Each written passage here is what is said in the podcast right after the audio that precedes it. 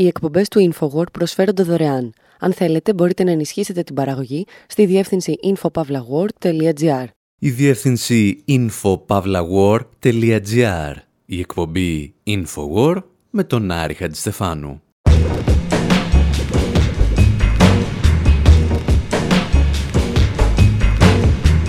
Όπου σήμερα στείλουμε ένα διεθνές ποινικό δικαστήριο να μας βρίσκεται και σκεφτόμαστε εάν θα ήταν σωστό εκτός από το Ισραήλ να καλέσουμε και τις Ηνωμένε Πολιτείες.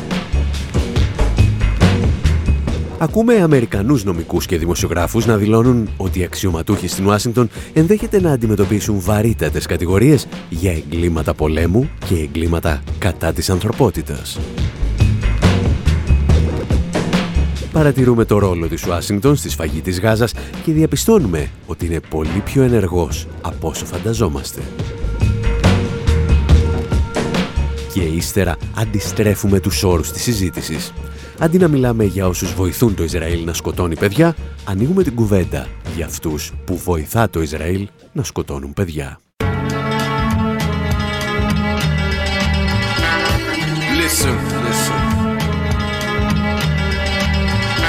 Of the Middle East.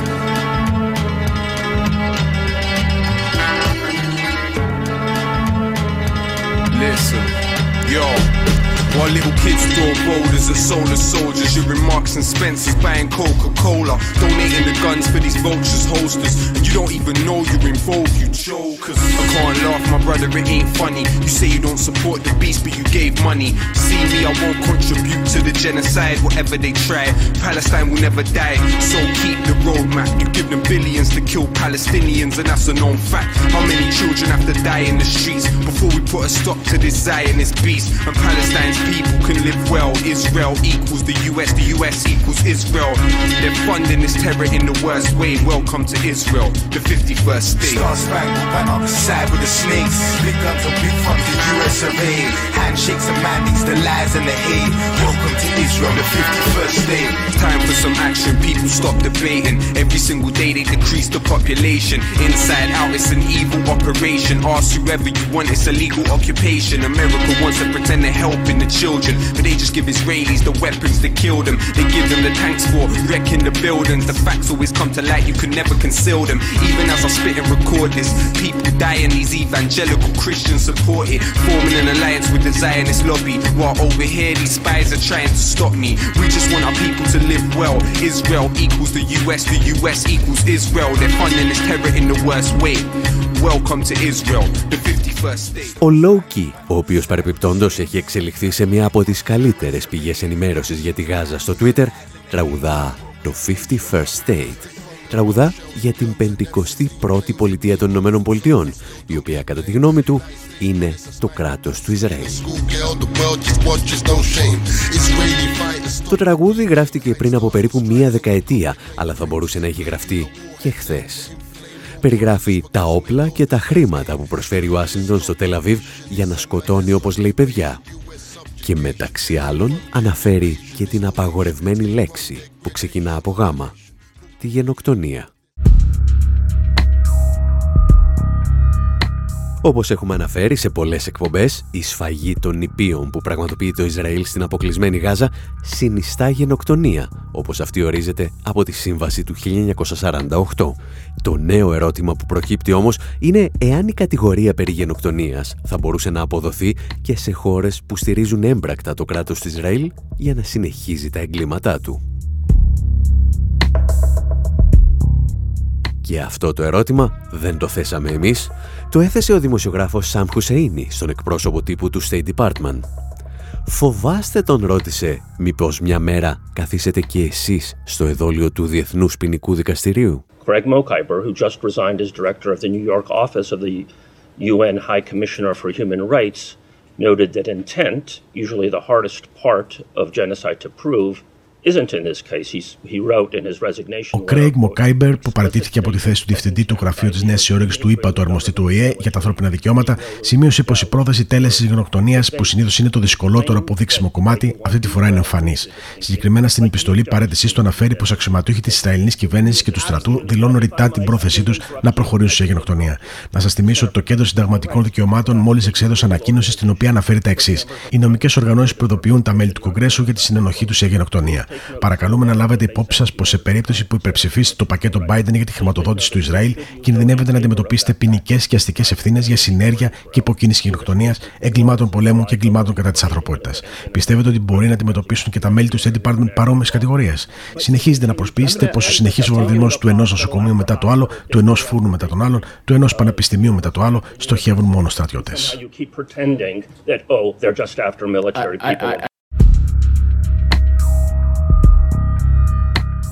Το να σε ρωτάνε σε μια συνέντευξη τύπου αν πιστεύεις ότι είσαι εγκληματίας πολέμου δεν είναι από τις ερωτήσεις που έχουν συνηθίσει να απαντούν οι εκπρόσωποι του State Department. Και οι δημοσιογράφοι όμως δεν είναι συνηθισμένοι να ακούν τους Αμερικανούς διπλωμάτες να στηρίζουν ανοιχτά τη σφαγή των αμάχων.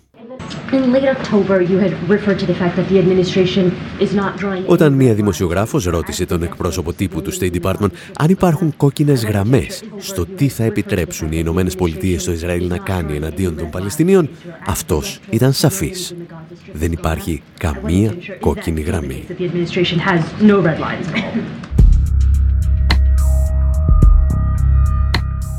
Από μόνη της η τόσο ανοιχτή ενθάρρυνση μιας χώρας να προχωρήσει σε εγκλήματα πολέμου και εγκλήματα κατά της ανθρωπότητας είναι ποινικά κολάσιμη. Σήμερα όμως θέλουμε να δούμε μερικούς πιο πρακτικούς τρόπους με τους οποίους η Ουάσιγκτον συμμετέχει στη γενοκτονία των Παλαιστινίων. Και θα το κάνουμε ακολουθώντας τη ροή του χρήματος από το 1948 μέχρι σήμερα. Since Israel's creation in 1948, the United States has provided $236 billion in aid and missile defense funding. Από τη δημιουργία του Ισραήλ το 1948, οι Ηνωμένες Πολιτείες έχουν παράσχει 236 δισεκατομμύρια δολάρια σε οικονομική βοήθεια και χρηματοδότηση πυραυλικής άμυνας. Οργανώσεις ανθρωπίνων δικαιωμάτων λένε πως ο Ισραηλινός στρατός χρησιμοποιεί στρατιωτικό εξοπλισμό φτιαγμένο στις Ηνωμένες Πολιτείες για να επιτεθεί στη Γάζα. Κάθε χρόνο οι Ηνωμένες Πολιτείες δίνουν στο Ισραήλ 3,8 δισεκατομμύρια δολάρια σε στρατιωτική βοήθεια.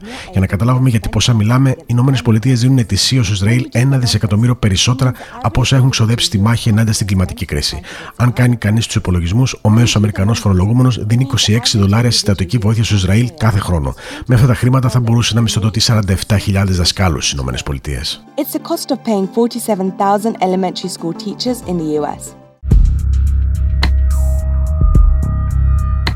Το ρεπορτάζ που ακούσατε μεταδόθηκε πριν από δύο χρόνια από το Al Jazeera, αλλά παραμένει μια κατατοπιστική καταγραφή της ροής χρήματος από τις Ηνωμένες Πολιτείες προς το Ισραήλ. Αυτό που αλλάζει είναι ελαφρώς τα ποσά που χορηγούνται. Και ένα μεγάλο μέρος αυτών των χρημάτων καταλήγει πλέον σε μαχητικά αεροσκάφη και στο λεγόμενο Iron Dome. Israel used US grants to purchase the lion's share of its F-35 Joint Strike Fighters. And this is Iron Dome, το Ισραήλ χρησιμοποίησε αμερικανική χρηματοδότηση για να αγοράσει τα μαχητικά αεροσκάφη F-35. Επίσης υπάρχει ο σιδερένιος θόλος, το σύστημα πυραυλικής άμυνας του Ισραήλ. Μεταξύ του 2011 και του 2020, οι Ηνωμένες Πολιτείες επένδυσαν 1,6 δισεκατομμύρια δολάρια σε συστοιχίες πυράβλων και συστήματα αναχέτησης που χρησιμοποιούνται για τον σιδερένιο θόλο. Πέραν της στρατιωτικής χρηματοδότησης που οι Ηνωμένες Πολιτείες ήδη παρέχουν, το Μάιο του 2021 η κυβέρνηση Biden ενέκρινε επιπρόσθετες πωλήσεις όπλων στο Ισραήλ ύψους 735 εκατομμυρίων δολαρίων. $135 million weapon sale to Israel. Ο Biden βέβαια δεν αύξησε απλώς τα κονδύλια για όπλα προς το Ισραήλ. Για λογαριασμό του Τελαβίβ πραγματοποίησε και ένα μίνι πραξικόπημα εναντίον της νομοθετικής εξουσίας των Ηνωμένων Πολιτειών. This comes as the independent news outlet in these times reports the White House has requested an unprecedented loophole. Το ανεξάρτητο ειδησιογραφικό μέσο in these times αναφέρει πως ο Λευκός Οίκος είχε ζητήσει ένα πρωτοφανές παραθυράκι σε εξοπλιστικές δαπάνες που θα του επιτραπεί να κλείνει συμφωνίες πώληση όπλων με το Ισραήλ σε πλήρη μυστικότητα χωρίς υποπτία από το Κογκρέσο ή τους πολίτες. Και αυτό παρά το γεγονός ότι εμπειρογνώμονες λένε πως το Ισραήλ χρησιμοποιεί αμερικανικά όπλα για να διαπράξει εγκλήματα πολέμου.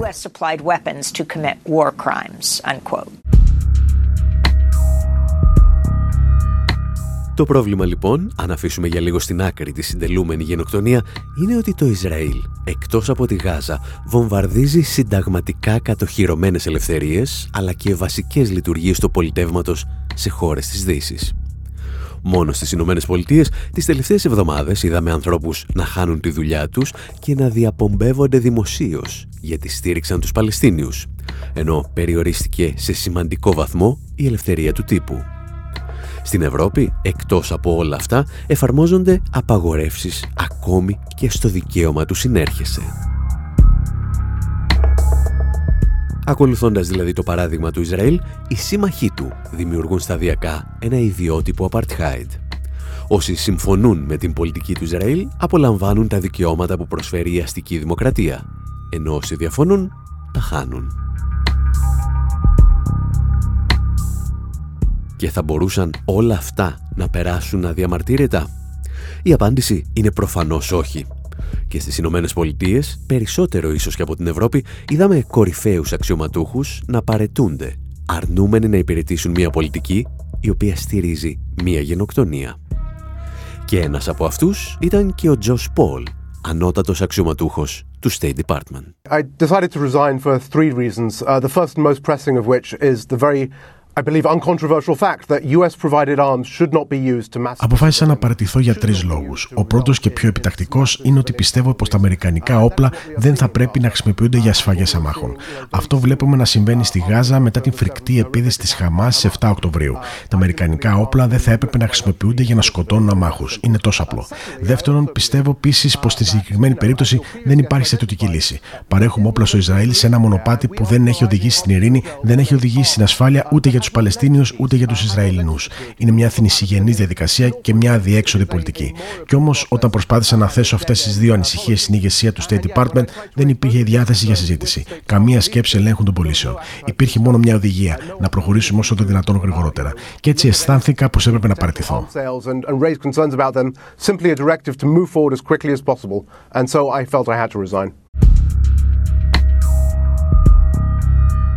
Ο Τζος Πολ, τον οποίο ακούμε εδώ να μιλά στο Democracy Now, δεν ήταν αυτό που θα λέγαμε περιστέρι της ειρήνης. Η δουλειά του ήταν να στέλνει αμερικανικά όπλα σε χώρες όλου του κόσμου. Το Ισραήλ όμως κατάφερε να τον οδηγήσει σε αυτό που αποκαλεί τις κόκκινες γραμμές του. There are many in the State Department uh, and across government who have reached out to me in recent weeks since I left uh, to express their support, but also. Υπάρχουν πολλοί στο State Department και σε όλη την κυβέρνηση που με προσέγγισαν τις τελευταίες εβδομάδες από τότε που έφυγα για να εκφράσουν τη στήριξή τους αλλά και για να πούν πόσο δύσκολη και φρικτή βρίσκουν την Αμερικανική πολιτική. Παρ' όλα αυτά, όταν προσπαθούν να θέσουν αυτές τις ανησυχίες, τους λένε: Κοίτα, μπορείς να λάβεις συναισθηματική υποστήριξη αν το βρίσκεις δύσκολο όλο αυτό. Θα σου βρούμε κάτι άλλο να δουλέψεις. Αλλά μην αμφισβητήσεις την πολιτική, γιατί προέρχεται από την κορυφή. But don't question the policy because it's coming from the top.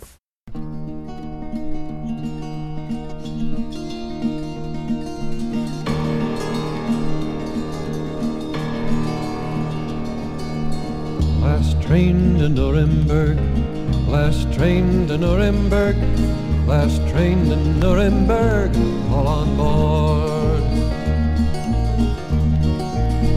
Do I see Lieutenant Calais? Do I see Captain Medina? Do I see General Coster and all his crew? Do I see President Nixon? Do I see both houses of Congress? Do I see the voters, me and you? Last train to Nuremberg, last train to Nuremberg, last train to Nuremberg, all on board, last train to Nuremberg. Last train to Nuremberg, last train to Nuremberg, all on board. Ο κύριος που ακούτε είναι ο Πιτ Σίγκερ και το τραγούδι του, αν και αναφέρεται στη δίκη της Νιρεμβέργης, στην πραγματικότητα μιλάει για το Βιετνάμ. Γιατί κάποιοι γνωρίζουν ότι τα εγκλήματα πολέμου και οι γενοκτονίες δεν σταμάτησαν στο δεύτερο παγκόσμιο πόλεμο. Last train to Nuremberg, εμείς πάλι στην εκπομπή Infowar με τον Άρη Χατζηστεφάνου αναρωτιόμαστε εάν για τη γενοκτονία που πραγματοποιεί το Ισραήλ θα μπορούσαν να οδηγηθούν σε ένα διεθνές ποινικό δικαστήριο και Αμερικανοί αξιωματούχοι.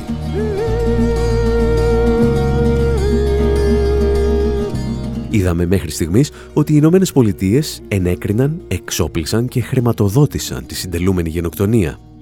Τις τελευταίες ημέρες όμως μαθαίνουμε ότι δεν σταμάτησαν εκεί. Οι Αμερικανικές ένοπλες δυνάμεις επιχειρούν στη Γάζα εδώ και σχεδόν ένα μήνα. This is, this is in today's New York Times. Quote, the aircraft are MQ-9 Reapers operated by U.S. Special Operations Forces. Στο σημερινούς New York Times διαβάζουμε τα εξής. Μία επανδρομένα αεροσκάφη MQ-9 Reapers που τα χειρίζονται οι Αμερικανικές δυνάμεις ειδικών επιχειρήσεων εντοπίστηκαν για πρώτη φορά το Σάββατο στο Flight Radar 24, μια ιστοσελίδα εντοπισμού πτήσεων. Αξιωματούχοι του Πενταγώνου λένε πως τα αεροσκάφη άρχισαν να επιχειρούν στην περιοχή αμέσως μετά την ευδιαστική επίθεση τη Χαμάς στο Ισραήλ στις 7 Οκτωβρίου. Ενώ το Ισραήλ διεξάγει συστηματικά αναγνωριστικές πτήσεις πάνω από τη Γάζα, αξιωματούχοι του Αμερικανικού Υπουργείου Άμυνας είπαν πως πιστεύετε ότι είναι η πρώτη φορά που Αμερικανικά drones πετούν πάνω από τη Γάζα.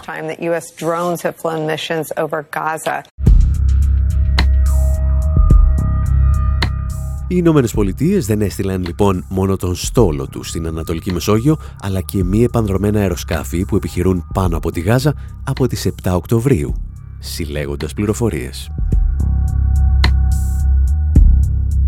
Παρενθετικά να πούμε εδώ πως το γεγονός ότι το Ισραήλ χρειάστηκε ξένη συνδρομή drones ενώ διαφημίζει σε όλο τον κόσμο τη δική του βιομηχανία drones ίσως θα έπρεπε να μας πει κάτι για την ποιότητα των Ισραηλινών μη επανδρομένων αεροσκαφών. Κλείνει η παρένθεση, γιατί αυτό που κυρίως μας ενδιαφέρει σήμερα είναι ότι εκτός από drones οι Ηνωμένες Πολιτείες έστειλαν στο Ισραήλ και ειδικές δυνάμεις.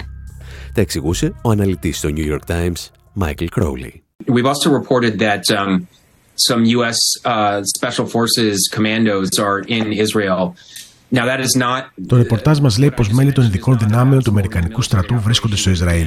Δεν βρίσκονται εκεί για να στηρίξουν τη στρατιωτική επιχείρηση, αλλά πρέπει να θυμάστε πως ανάμεσα στους τουλάχιστον 200 ομήρους που πιστεύετε ότι κρατάει Χαμάς, υπάρχουν και Αμερικανοί που κρατούνται όμοιρα από τη Χαμάς. Η κυβέρνηση Biden έχει στείλει στρατιωτικές δυνάμεις για να βρίσκεται σε θέση να βοηθήσει.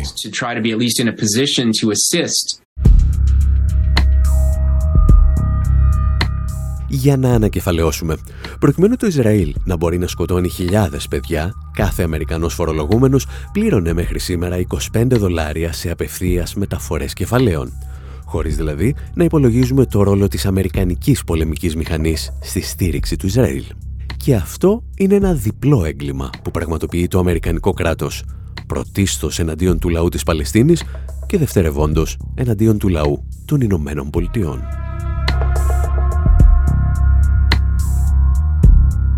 Εσείς πάντως μένετε εδώ, γιατί στο δεύτερο μέρος εκπομπής θυμόμαστε πως όταν το κράτος του Ισραήλ δεν εξοπλίζεται για να σκοτώνει, εξοπλίζει για να σκοτώνουν άλλοι. Οι εκπομπές του InfoWord προσφέρονται δωρεάν. Αν θέλετε μπορείτε να ενισχύσετε την παραγωγή στη διεύθυνση infopavlagor.gr.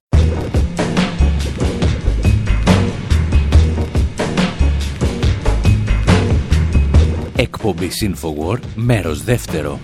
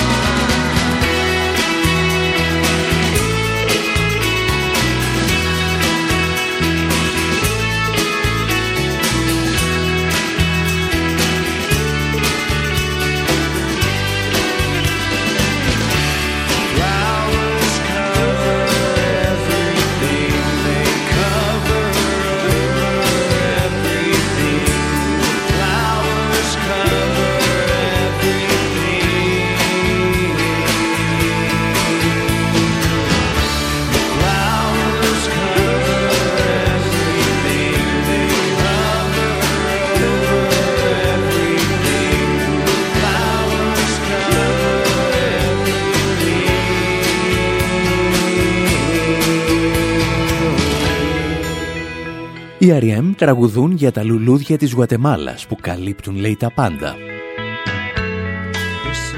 Και όπως έχουμε πει πολλές φορές σε αυτή την εκπομπή, τα λουλούδια του τραγουδιού δεν φυτρώνουν στις αυλές. Για την ακρίβεια δεν είναι και ακριβώς λουλούδια. Τα αμανίτα ή στα ελληνικά αμανίτης είναι τα πλέον δηλητηριώδη μανιτάρια στον κόσμο. Και σύμφωνα με τους R.E.M. είναι τα φυτά που φυτρώνουν ανεξέλεγκτα στους τάφους. Τη δεκαετία του 80 το συγκρότημα παρουσίαζε αυτό το τραγούδι στις συναυλίες με μία και μόνο λέξη. Γενοκτονία.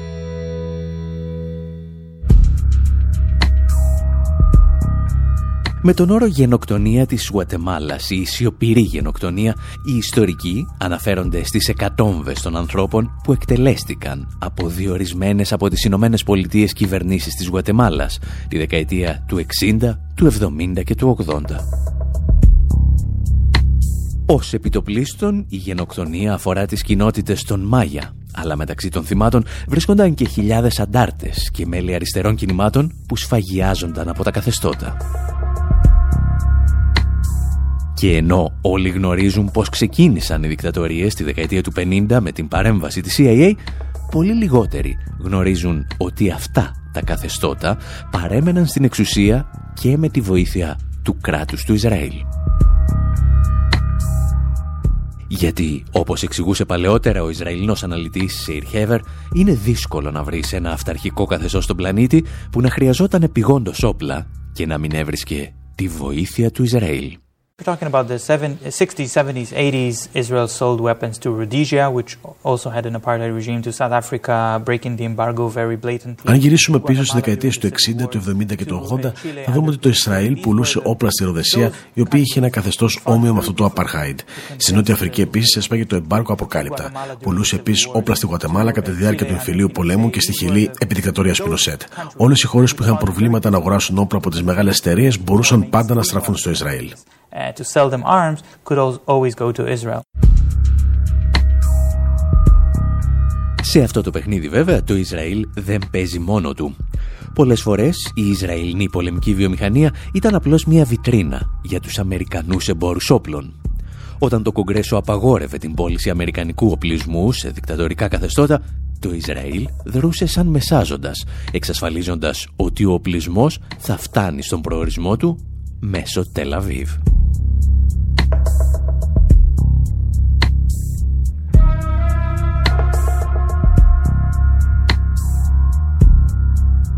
Η περίπτωση των σχέσεων της Γουατεμάλας με το Ισραήλ όμως απαιτεί λίγο μεγαλύτερη προσοχή. Όπως είχε αποκαλύψει ο ίδιος ο δικτάτορας της Γουατεμάλας, Ρίος Μοντ, η κατάληψη της εξουσίας από τον ίδιο το 1982 έγινε χωρίς προβλήματα, γιατί αρκετοί από τους στρατιώτες του είχαν εκπαιδευτεί από Ισραηλινές δυνάμεις. Ισραηλινά μέσα ενημέρωσης μάλιστα είχαν αναφέρει ότι την περίοδο του πραξικοπήματος τουλάχιστον 300 Ισραηλινοί σύμβουλοι βρίσκονταν στη Γουατεμάλα. Τα όπλα και η τεχνογνωσία που προσέφερε το Ισραήλ χρησιμοποιήθηκαν για τη σφαγή εκατοντάδων αντιπάλων του καθεστώτος, αλλά και αμάχων. Ο Μοντ, ο οποίος τελικά καταδικάστηκε σε ποινή κάθυρξης 80 ετών για γενοκτονία, έχει κατηγορηθεί ότι συντόνιζε ομαδικές σφαγές ηθαγενών, βιασμούς γυναικών και εκτελέσεις παιδιών. Εμπειρογνώμονες του ΟΗΕ ανέφεραν στις εκθέσεις τους ότι σε χωριά της επαρχίας Ελπετέν που ισοπεδώθηκαν από τις δυνάμεις του Μοντ βρέθηκαν υπολείμματα Ισραηλινών αυτόματων όπλων τύπου Γκαλίλ τα οποία χρησιμοποιούνταν και από τις ένοπλες δυνάμεις του Ισραήλ. Και πώς ανταποδίδει σήμερα η κυβέρνηση της Γουατεμάλας αυτή τη βοήθεια που δέχτηκε η χώρα τη δεκαετία του 80 αναγνώρισαν παρανόμως την Ιερουσαλήμ σαν πρωτεύουσα του Ισραηλινού κράτους. Ουσιαστικά δηλαδή αναγνώρισαν τα αποτελέσματα ενός κατακτητικού πολέμου. Shalom, buenos días.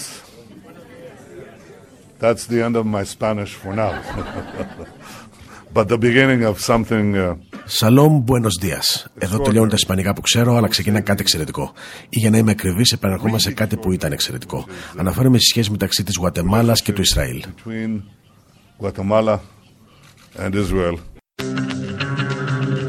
Guatemala and Israel. Ο Ισραηλινός Πρωθυπουργός Βενιαμίν Νετανιάχου δεν μπορούσε να κρύψει τη χαρά του για το γεγονός ότι η Γουατεμάλα ήταν η δεύτερη χώρα μετά τις Ηνωμένες Πολιτείες που ανακοίνωνε ότι θα μεταφέρει την πρεσβεία της από το Τελαβίβ στην Ιερουσαλήμ. Φαίνεται μάλιστα να θυμήθηκε τις παλιές καλές ημέρες της συνεργασίας των δύο χωρών.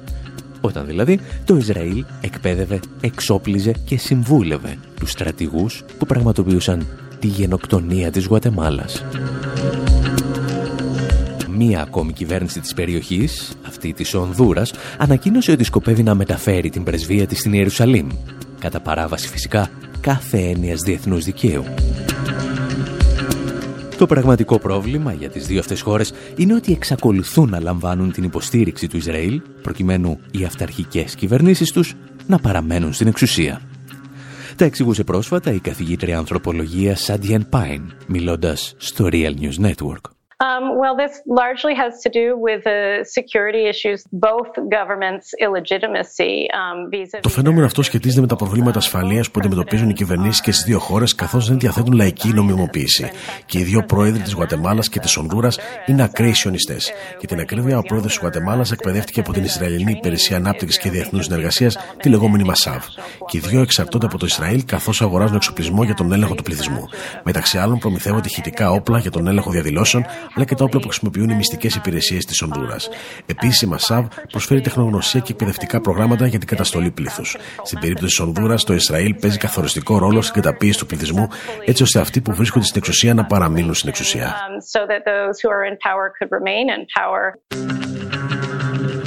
Και κάπως έτσι συνειδητοποιείς πως ο έλεγχος του πληθυσμού στα Παλαιστινιακά εδάφη σχετίζεται άμεσα με τον έλεγχο του πληθυσμού στην άλλη άκρη του πλανήτη. What we see in the last uh, decade or so, especially after September 11, is that Israel has kind of shifted Την τελευταία δεκαετία και κυρίως μετά την 11η Σεπτεμβρίου, διαπιστώνουμε ότι το Ισραήλ άλλαξε επιλογές. Δεν αναζητούν πλέον χώρες που αντιμετωπίζουν εμπάργο για να τους πωλήσουν όπλα, όπως το περίφημο υποπολιβόλο Ούζι, το οποίο παρεμπιπτόντως δεν κατασκευάζεται πλέον στο Ισραήλ, αλλά στην Κίνα. Το Ισραήλ ενδιαφέρεται να πουλά όπλα σε περιοχές του πλανήτη με τρομακτική οικονομική ανισότητα και ιδιαίτερη εχθρότητα του πληθυσμού προς το καθεστώς. Πουλάει δηλαδή όπλα στις κυβερνήσεις που θέλουν να καταστήλουν τις εναντίον τους εξεγέρσεις. Το Ισραήλ είναι πλέον η παγκόσμια πρωτεύουσα της εσωτερικής ασφάλειας. Πουλάνε κάμερες παρακολούθησης, μη επανδρομένα αεροσκάφη και εξοπλισμό για τις ειδικές δυνάμεις της αστυνομίας. Πρόκειται για την τεχνολογία που χρειάζονται οι κυβερνήσεις για να ελέγχουν τους πολίτες τους.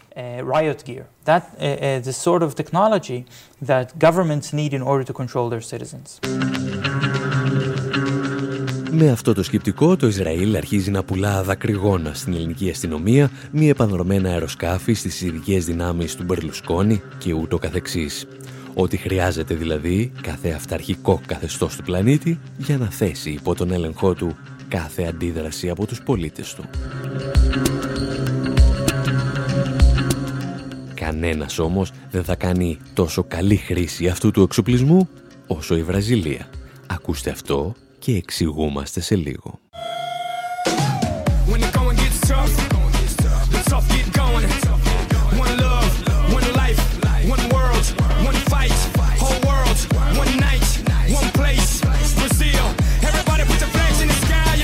feel. It's your world, my world, our world today. And we invite the whole world, whole world to play. It's your world, my world, our world today. And we invite the whole world, whole world to play. Es mi mundo, tu mundo, el mundo de nosotros. Invitamos a todo el mundo a jugar.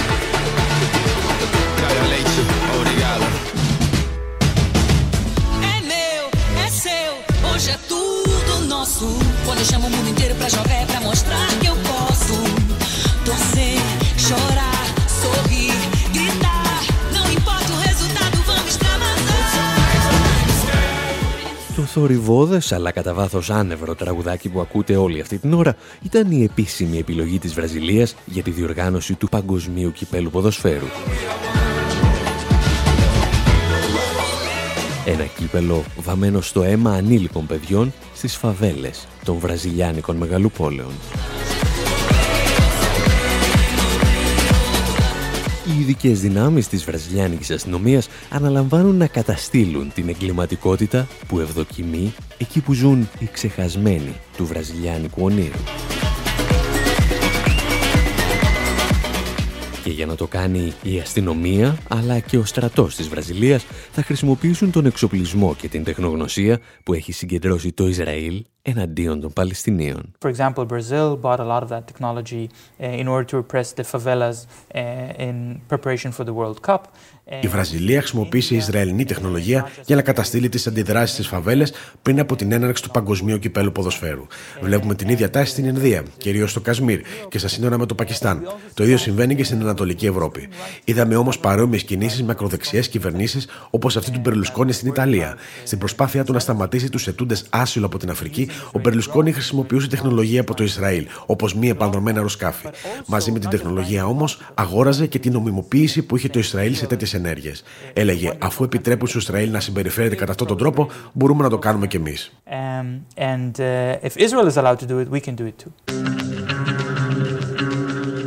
Η επιλογή λοιπόν της Βραζιλίας, της Ιταλίας ή της Ινδίας να αγοράσουν εξοπλισμό από το Ισραήλ κουβαλά μαζί της και ένα ιδεολογικό στίγμα. αν θέλεις να ελέγξεις τον εσωτερικό εχθρό, τους ανθρώπους δηλαδή που κάνουν τη ζωή δύσκολη στις οικονομικές και πολιτικές ελίτ της χώρας σου, πρέπει να απευθυνθείς στους ειδικούς.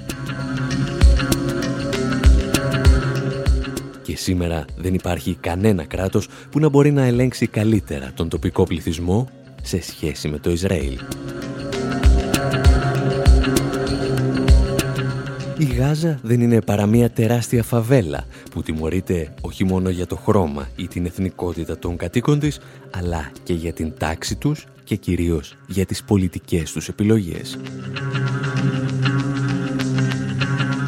Μετά τις μοναδικές δημοκρατικές εκλογές που έφεραν στην εξουσία τη Χαμάς, οι κάτοικοι της Γάζας τιμωρούνται παραδειγματικά από τις Ηνωμένες Πολιτείες, την Ευρωπαϊκή Ένωση και το Ισραήλ. Βομβαρδίζονται γιατί μεταξύ άλλων δεν αποδέχθηκαν μια κυβέρνηση που τους επιβλήθηκε και η οποία περιελάμβανε μεταξύ άλλων πρώην στελέχη της Παγκόσμιας Τράπεζας και συνεργάτες των Ηνωμένων Πολιτειών αλλά και του ίδιου του Ισραήλ. Κυρίως όμως, οι κάτοικοι της Γάζας εξολοθρεύονται γιατί είναι Παλαιστίνοι. Είναι δηλαδή το απόλυτο σύμβολο της αντίστασης απέναντι σε κάθε κατακτήτη. Ίσως γιατί τελικά όλα καταλήγουν στο δίλημα που έθεσε ο Θουκυδίδης και αναπαρήγαγε ο Καστοριάδης. Η ελευθερία ή η ησυχία. Μια άποψη που φαίνεται να συμμερίζεται και ο εβραϊκής καταγωγής ακαδημαϊκός Νόρμαν Φίνκελστάιν όταν μιλά για τους λαούς που αντιστέκονται στο Ισραήλ και στις Ηνωμένες Πολιτείες. In Nazi-occupied Europe, most of the populations όταν οι Ναζί είχαν καταλάβει την Ευρώπη, το μεγαλύτερο μέρος του πληθυσμού αποφάσισε να ζήσει υπό την ναζιστική κατοχή. Όλα αυτά περί γαλλικής αντίστασης λόγου χάρη είναι αστεία. Μόνο το 40% του πληθυσμού διάβαζε την εφημερίδα της αντίστασης και μόνο το 10% αντιστεκόταν. Οι περισσότεροι Γάλλοι σκέφτονταν όπως και εσείς. Έλεγαν μην αντιστέκεστε για να μείνουμε ζωντανοί. Σήμερα όμως, ποιους θα τιμήσουμε, αυτούς που είπαν αφήστε μας να ζήσουμε ή αυτούς που είπαν ελάτε να αντισταθούμε with the United States to put the Arabs in their place and to keep them in their place. Το Ισραήλ μαζί με τις Ηνωμένες Πολιτείες έχουν αποφασίσει να βάλουν τους Άραβες στη θέση τους και να τους κρατήσουν εκεί. Πώς μπορώ να μην εκφράζω σεβασμό σε όσους αντιδρούν; Ξέρετε, κατά τη διάρκεια του Ισπανικού εμφυλίου υπήρχε μια διάσημη γυναίκα. Την έλεγαν Πασιονάρια. Ήταν η Ντολόρες Συμπαρούρη από τις Δημοκρατικές Δυνάμεις και είπε μια περίφημη φράση. Καλύτερα να πεθάνεις στα πόδια σου παρά να ζεις και να σέρνεσαι στα γόνατα. Βέβαια, δεν θα σας πω εγώ τι να κάνετε με τη ζωή σας. Οι άνθρωποι έχουν δικαίωμα στη ζωή. Αν θέλετε να ζείτε γονατιστή, θα το σεβαστώ. Πώς μου ζητάτε όμως να μη σέβομαι και αυτούς που λένε ότι προτιμούν να πεθάνουν όρθιοι;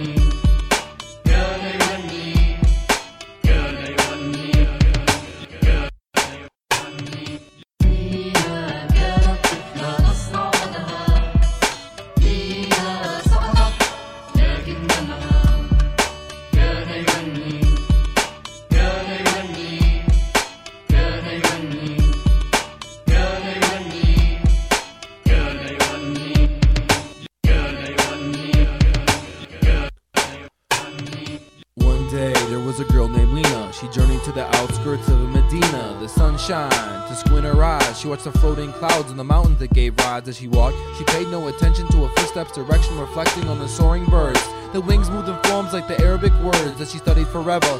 Suddenly, a bird dropped a feather to descend from heaven. She was age 11, like the feather, she was also very thin. She ran to catch it every step in connection to the feather's motion. It was a blessing without expecting. She tripped and fell in a bushel of barbed wire in.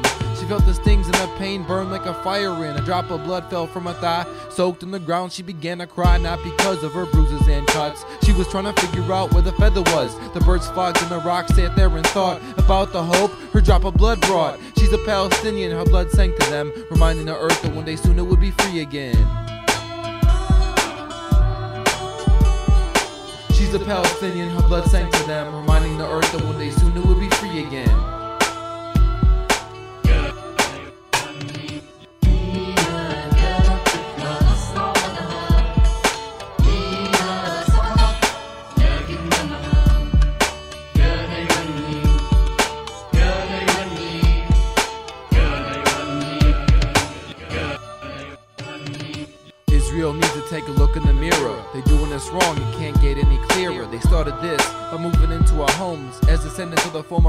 Fight with stones against